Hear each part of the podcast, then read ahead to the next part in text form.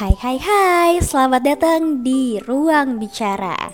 Nah pada kesempatan kali ini kita akan membahas tentang cyberbullying bersama salah satu sahabat bicara Yang berprofesi sebagai manajer dari penulis-penulis atau autor terkenal di Indonesia. Stay tune terus ya. Ruang Bicara Hai hai hai, selamat pagi, siang, sore, malam buat listeners yang lagi dengerin podcast Ruang Bicara. Buat yang baru dengerin nih, perkenalkan namaku Amanda Firly. Hari ini kita akan membahas sesuatu yang sering terjadi di zaman sekarang. Nah loh, apakah itu?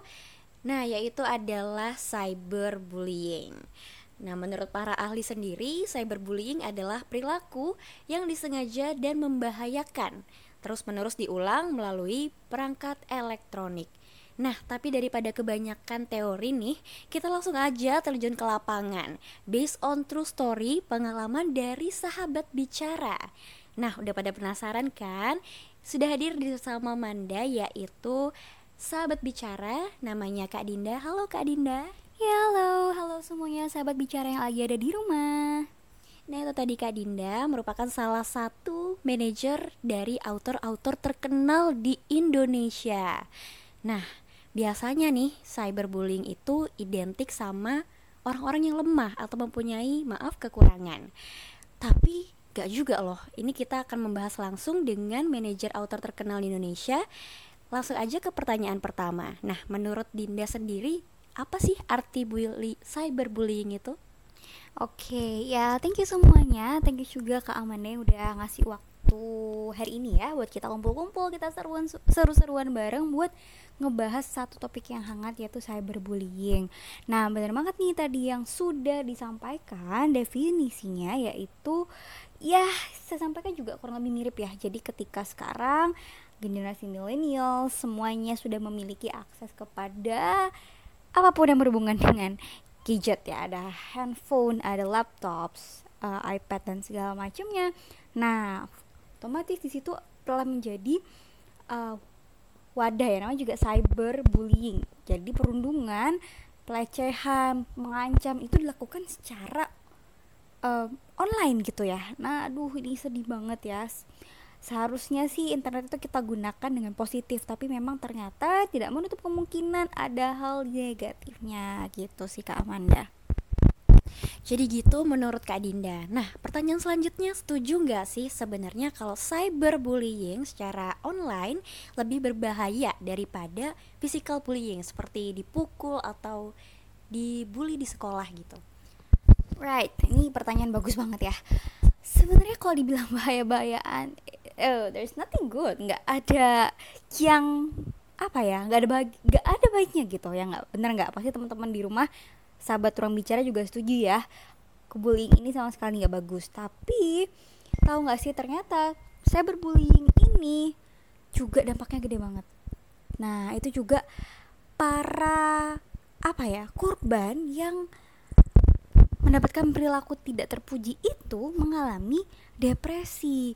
Dan ya mohon maaf sebelumnya memang ada yang sampai memutuskan untuk melakukan hal yang apa ya seperti bunuh diri. Nah itu kan sangat sedih ya.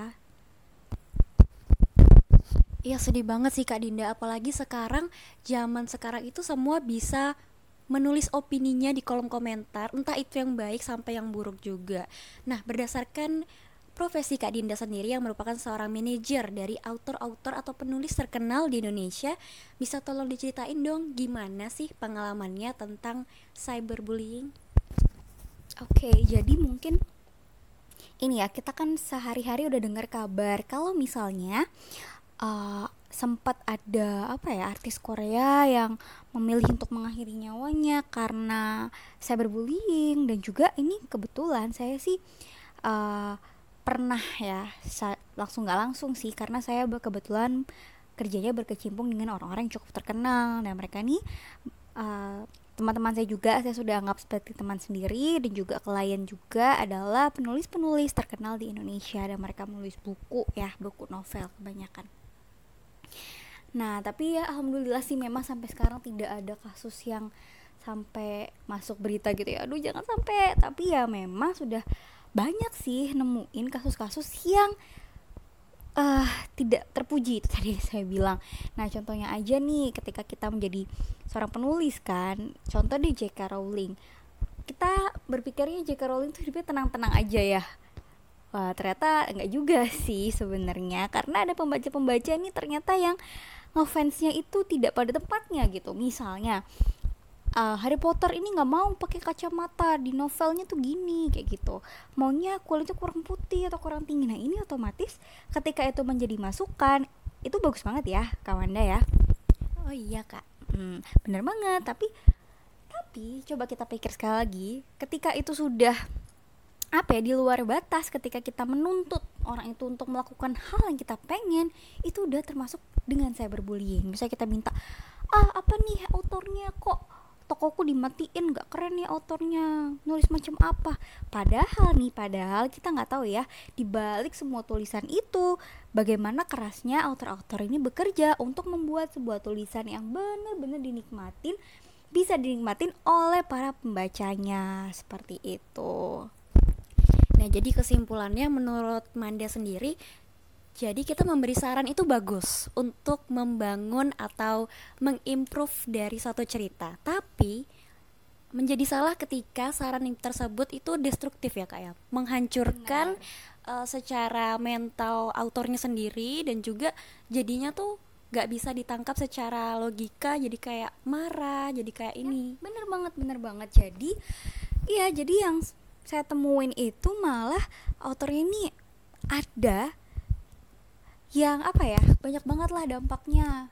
Dan itu saya rasa udah kurang sehat sih dan benar-benar tidak hanya dari pihak yang melakukan kesalahan itu aja tapi kita juga ibaratnya harus punya benteng lah. Nah ngomong-ngomong tentang cyberbullying dan sudah diterima apakah berupa hate speech atau mungkin ancaman? Dan juga apa sih dampak serius yang dirasakan oleh autornya? Mungkin stres atau malah bisa jadi mental breakdown depresi dan sebagainya. Oke. Okay. ya tadi mungkin uh, kita udah keserempet dikit kak ya. Iya bener banget. Hate speech itu di mana-mana. Ya nggak sih? Apalagi kayak komentar tinggalin akun anonim. Terus kayak bilang hey ceritamu nih basi gitu ya. Tokonya pasaran. Nah gitu kan udah wow padahal nih nggak tahu nih begadang yang nulisnya ya kan? Jadi head speech itu sangat-sangat luar biasa dampaknya bagi orang-orang. Ya semua orang lah siapa sih yang mau denger hate speech itu kan? Nah terus dampaknya ini uh, sepengalaman saya saya kan sering mendengar cerita dari beliau-beliau ini ya. Para penulis ini mereka sampai telepon saya nih berjam-jam cerita aduh kak Dinda aku nih nggak bisa lagi nulis. Aku tuh suka banget nulis tapi kenapa fans aku tuh nggak semuanya bisa positif ya? Ya kan? Aku udah aku gini caranya aku nulis aja atau aku nulis nggak usah lihat kolom komentar kayak gitu. Nah itu kan apa ya udah menyerang dari psikisnya si penulis itu. Padahal ya kalaupun penulis itu udah bisa menyajikan tulisan yang membuat kita greget ya kita mau marah kita mau banting pintu ya mungkin. Itu kan justru hal yang bagus ya berarti kita sudah mendalami peran itu gitu. Tapi nggak semua orang itu bisa apa ya bisa menjadikan itu hal yang positif gitu. Kadang mereka ada adegan misalnya uh, contohnya drama Korea nih ada adegan yang pasangan utamanya putus. Nah kita nggak suka nih. Eh kita maunya mereka jadian terus sampai akhir. Nah itu kita marah-marah sama autornya. Nah itu kan bukan sesuatu yang uh, sepantasnya kita lakukan. Mungkin sebagai opini aja nggak masalah gitu kan. Kita nggak tahu nih gimana dampaknya kepada mereka-mereka yang kita komen seperti itu ya kan? Iya bener banget Kak Dinda. Jatuhnya jadi kayak provokasi untuk saling gak suka atau mendukung kayak iya ya benernya harusnya gini harusnya gitu. Padahal kan namanya sebuah karya kita bisa aja menikmati itu sebagaimana penulisnya mau menulis cerita itu ya kak Dinda.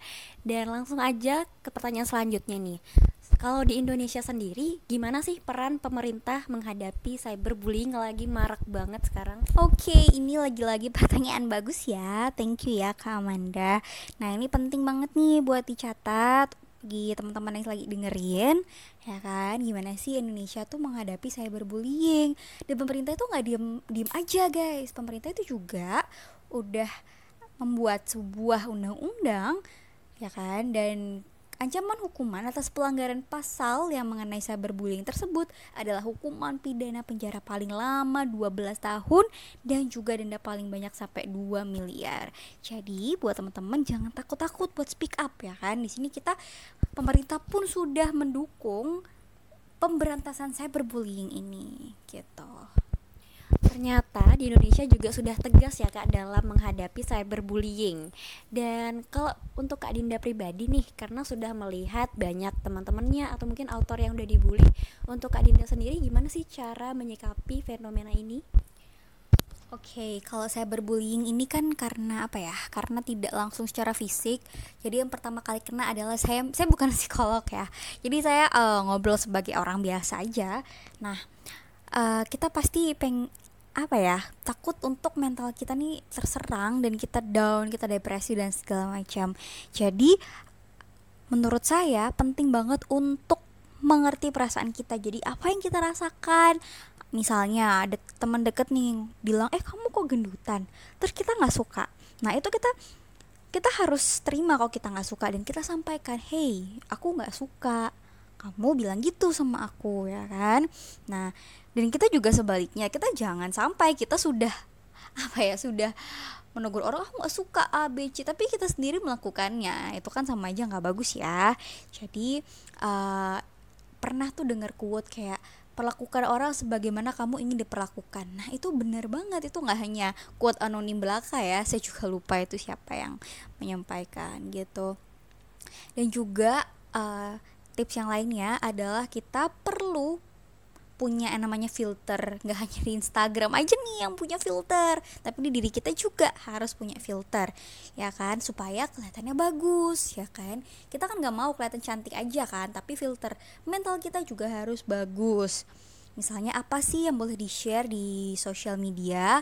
Boleh nggak sih kita share kalau kita itu habis uh, mendapatkan sesuatu yang achievement yang besar itu boleh banget tapi ada caranya ya kita nggak boleh bener-bener uh, asal share terutama hal-hal yang berhubungan dengan sesuatu yang benar-benar pribadi bagi kita ya kan mending kita share itu kepada orang-orang terdekat kita, orang-orang yang sayang sama kita gitu. Atau mungkin sosial sosial medianya bisa dibatasin, tidak semua orang bisa mengakses, terutama orang yang kita tidak kenal. Berarti kesimpulannya lebih ke dari diri sendiri dulu, di filter, disaring apa sih yang kita bisa share di publik gitu ya kak ya?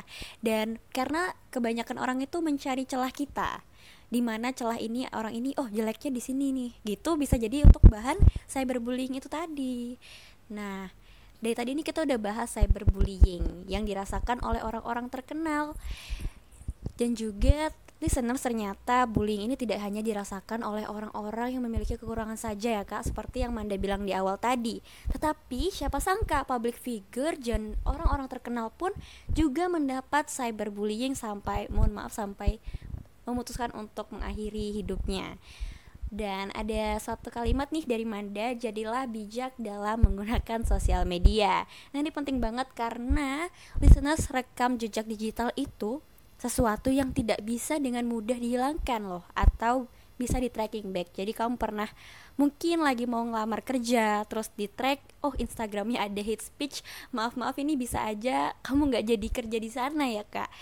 Dan juga ini sekaligus menjadi penutup dari podcast Ruang Bicara pada episode hari ini, episode cyberbullying. Terima kasih untuk Kak Dinda, narasumber kita hari ini. Ya, terima kasih kembali. Senang ketemu semuanya hari ini. Dan terima kasih juga buat para listeners sahabat bicara yang mendengarkan podcast Ruang Bicara. See you on the next episode. Bye bye. Bye bye.